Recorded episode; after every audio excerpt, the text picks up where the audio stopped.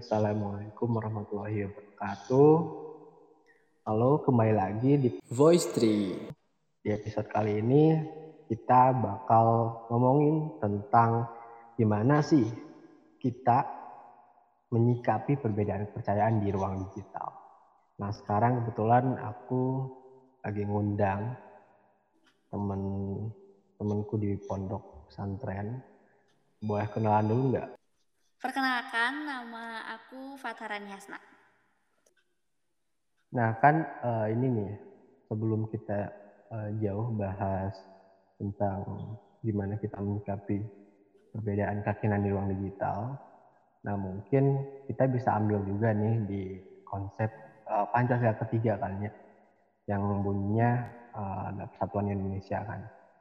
Nah uh, itu sebenarnya udah relate banget sama tema sekarang gimana kita caranya menyikapi perbedaan keyakinan. Nah, menurut Anya sebenarnya apa sih uh, makna atau ya yang terkandung di dalam sila tiga itu gitu? Oke, okay, namanya sendiri gitu ya dari nama Pancasila-nya tentang persatuan Indonesia gitu. Udah tadi udah Ijan singgung juga gitu bahwa di sana uh, kita itu beragam, ada beragam agama, suku, ras, budaya dan lain sebagainya gitu.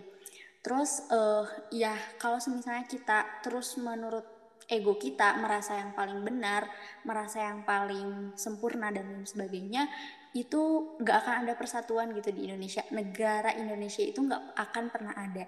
Dan bahkan dengan banyaknya uh, suku, ras, budaya seperti itu, Indonesia tuh diapresiasi oleh negara-negara lain gitu karena kita mampu hmm. uh, mempersatukan pemikiran-pemikiran yang berbeda gitu menjadi suatu kesatuan gitu yang uh, ada di Pancasila gitu makanya uh, Anya sangat bangga ketika uh, Pancasila dimasuk eh ketika poin nomor tiga itu uh, benar-benar ada gitu benar-benar kita jadiin pedoman gitu.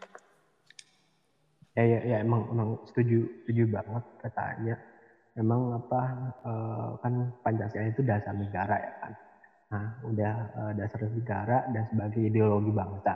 Nah, artinya ketika sekarang uh, Pancasila ketiga Kesatuan Indonesia itu ditanemin emang dari dasarnya dalam tatanan ideologi, nah itu harusnya itu harusnya sama kita pun diaplikasiin gitu.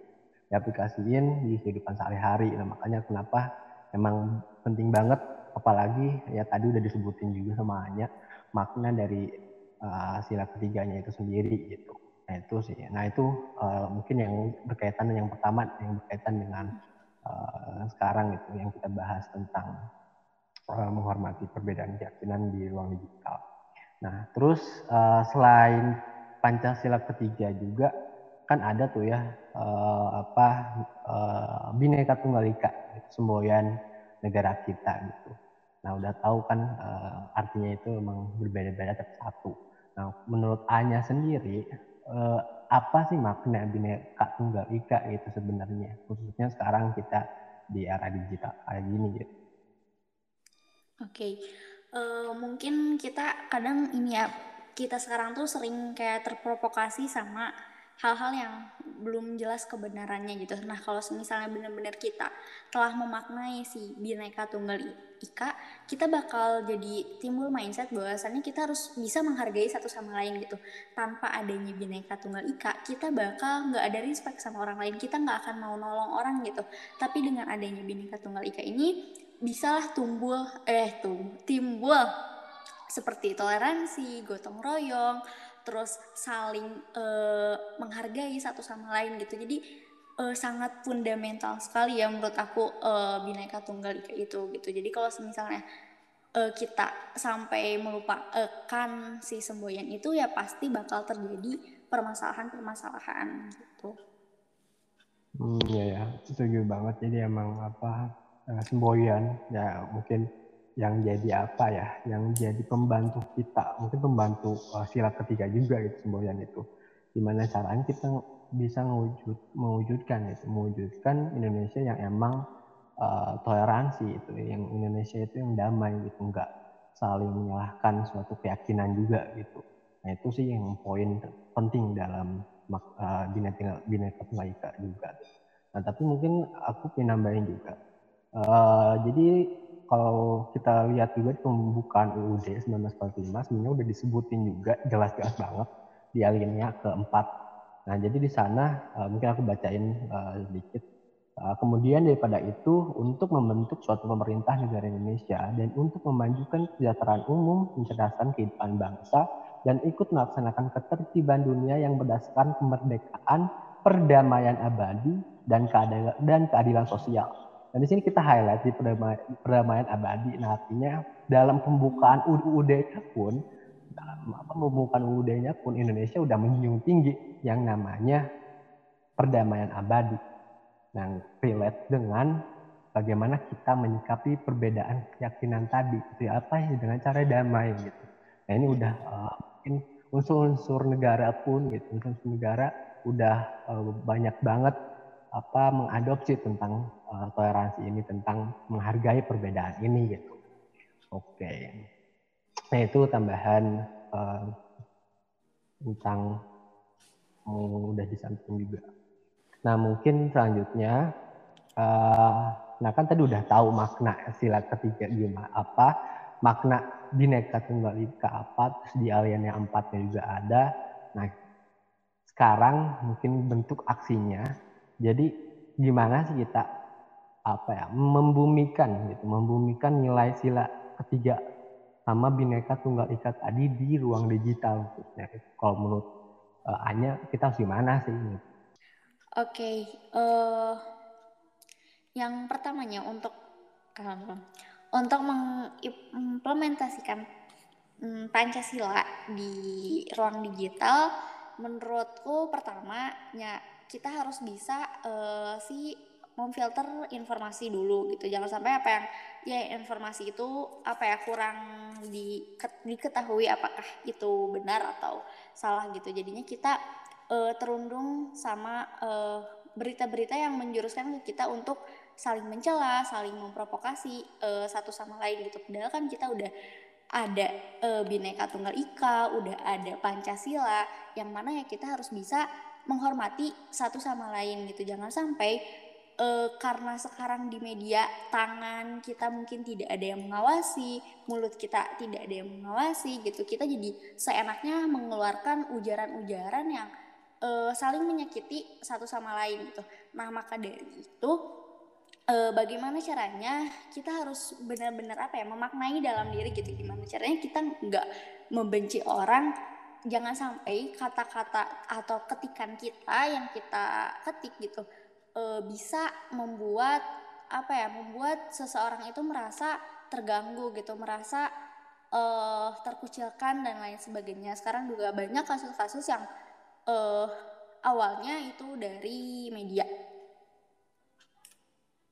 Iya ya, benar-benar banget. Jadi emang kita apalagi di perbedaan keyakinan ini gitu. Uh, itu mungkin suatu hal yang uh, lumayan sensitif ketika disinggung di media dan mungkin uh, sebenarnya ada beberapa kasus juga mungkin yang emang ngehina lewat uh, mungkin yang waktu uh, kemarin-kemarin yang emang ngehina lewat video kan itu ada menghina satu keyakinan orang gitu nah itu uh, sebenarnya kita harus juga karena itu bentuk campaign mereka ya bentuk campaign mereka untuk uh, apa ya sharing tentang kebencian atau intoleransi. Nah kita sebaliknya itu campaign kita bukan uh, malah ngikutin mereka, tapi kita harus menyer bukan menyerang ya. Mungkin kita bisa mendistract semua itu pada konten yang kita bikin gitu. Kayak misalkan kita uh, react videonya gitu kan dan lain-lain sebenarnya di uh, ruang digital sebenarnya lebih terbuka kita untuk menyuarakan kedamaian toleransi terhadap perbedaan keyakinan ini gitu. Nah mungkin uh, nambahin juga kan dari Anyo disebut juga ya filter-filter gitu uh, ada harus ada filtration system ada sistem filtration di dalam kita khususnya di ruang digital ini benar jadi teman-teman jangan sampai uh, baca artikel, baca apa satu referensi yang cuma dalam satu perspektif keyakinan doang sebenarnya. Bukan berarti kita uh, manut terhadap keyakinan yang berbeda, tapi kita bisa tahu dan kenal dan bisa menghargai gitu, bisa menghargai keyakinan mereka. Nah mungkin teman-teman bisa uh, ikuti akun-akun uh, media sosial yang emang mungkin bisa disebut uh, moderat gitu. Jadi dia tengah-tengah dalam beragamanya, dalam berkeyakinannya. Dia nggak ekstrim, dia nggak kiri, nggak kanan, tapi dia di tengah gitu. Nah itu mungkin bisa jadi patokan teman-teman gitu. Nah, ketika teman-teman berselancar di ruang digital gitu. Nah kan tadi udah ya implementasinya gimana. Nah mungkin ada sedikit ya uh, bisa nggak hanya sedikit cerita pengalaman uh, perbeda apa tentang perbedaan keyakinan ini baik itu di lingkungan digital ataupun di uh, lingkungan sekitar Anya gitu. Oke, buat mungkin di ruangan sekitar Anya dulu ya. Uh, Anya itu punya teman SD beberapa orang yang itu non muslim gitu. Uh, pernah suatu saat dulu waktu SD ada hafalan gitu dari guru agama intinya untuk yang Islam hafalin tentang uh, surat gitu terus untuk yang Kristen Alkitab gitu. Dan emang apa ya uh, kita di SD tuh bisa saling apa ya bisa saling uh, bertoleransi satu sama lain gitu. Dia membantu Anya buat ngafalin uh, suatu surat itu gitu. Dan Anya pun membantu dia untuk uh, menghafalkan uh, suatu ayat di Alkitab gitu. Dan apa ya Anya rasa dengan dia tidak apa ya tidak wah kamu uh, gini gini gini gitu. Terus dengan dia nggak apa ya nggak menyalahkan terus dengan dia mau membantu kita buat hafalin Quran terus uh, kita mau ngebantu dia buat ngapalin Alkitab itu menurut Ayah suatu hal yang apa ya suatu hal yang sangat uh, langka gitu bagi hmm. bagi orang lain gitu. Dan uh, Anya ngerasa oh uh, dengan Anya ngerasain feel toleransi se seperti itu Anya ngerasa bahwa ternyata agama lain tuh nggak nggak apa ya nggak seburuk yang kita kira gitu. Kadang-kadang kita yeah. punya mindset yang oh ya buruk gitu. Padahal ya enggak gitu. Terus juga teman-teman Anyi itu merupakan Kristen yang taat gitu. Sampai beberapa kali sempat diajak ke gereja gitu buat uh, gimana ibadah mereka gitu dan mereka pun nggak apa ya nggak mengucilkan gitu ketika hanya pergi ke gereja pun nggak sampai dikucilkan atau apa gitu tapi mereka ya mengenalkan gitu ini lohnya uh, kebiasaan kita gitu. Terus beberapa kali juga mereka sempat main ke masjid dan ya kita di sana saling menghargai gitu satu sama lain. Toh kalau semisal obrolan pun kita sering uh, membahas tentang agama gitu kayak perbedaan di Islam gimana, perbedaan di Kristen gimana, tapi ya tetap di jalur kita gitu. Ketika kalau misalnya emang e, dirasa kita udah terlalu dalam ya kita bisa e, apa ya menurunkan obrolan itu gitu jadi ke obrolan yang lain tapi dalam obrolan itu dalam circle anya yang non muslim kita nggak pernah saling hujat satu sama lain tentang agama tapi uh, tetap saling menghargai. Nah mungkin tadi udah uh, tentang makna-makna terus implementasinya gimana terus uh, sharingnya juga uh, yang kita lihat gitu di lapangan gimana. Nah mungkin ini sekarang closing statement sama pesan dari hanya itu untuk teman-teman ruang digital semua. Untuk oke, okay. untuk pesannya yang pertama jangan pernah uh, menilai orang dari luarnya saja gitu karena kita nggak pernah tahu uh, latar belakang dia seperti apa gitu. Jadi jangan pernah uh, mengeluarkan komentar-komentar yang buruk gitu terutama kepada mereka yang berbeda yang menjadi kaum minoritas gitu. Jadi walaupun mungkin sekarang muslim jadi mayoritas gitu tapi jangan apa ya jangan melakukan hal-hal yang semena-mena gitu. Karena e, setiap agama pasti e, mengajarkan hal yang baik gitu. E, kalau semisalnya kita bukan saudara dalam seiman kita saudara dalam kemanusiaan sepakat banget. Uh, emang benar sih. Kita bukan seiman tapi kita dalam uh, persaudaraan atau kemanusiaan gitu. Apa aku pribadi sih uh, apa pesan pesannya singkat. Uh, kalau kata uh, apa seorang budayawan sama aktivis perdamaian Kang Wawan Gunawan kalau apa uh, tidak ada dialog antar iman sebelum sebelum dialog antar teman gitu. Jadi kita sebelum kita mau dialog tentang keyakinan ya udah kita kenalin dulu atau kita kenalan dulu sama orang yang berbeda keyakinan gitu Nah mungkin uh, itu uh, kita udah ngebahas semua tentang perbedaan keyakinan di ruang digital. Teman-teman bisa uh, denger podcast ini, teman-teman bisa pahami podcast ini. dan teman-teman bisa mengaplikasikan apa yang didapatkan dari podcast ini. Nah, mungkin cukup sekian dari kami. Terima kasih. Uh, wassalamualaikum warahmatullahi wabarakatuh.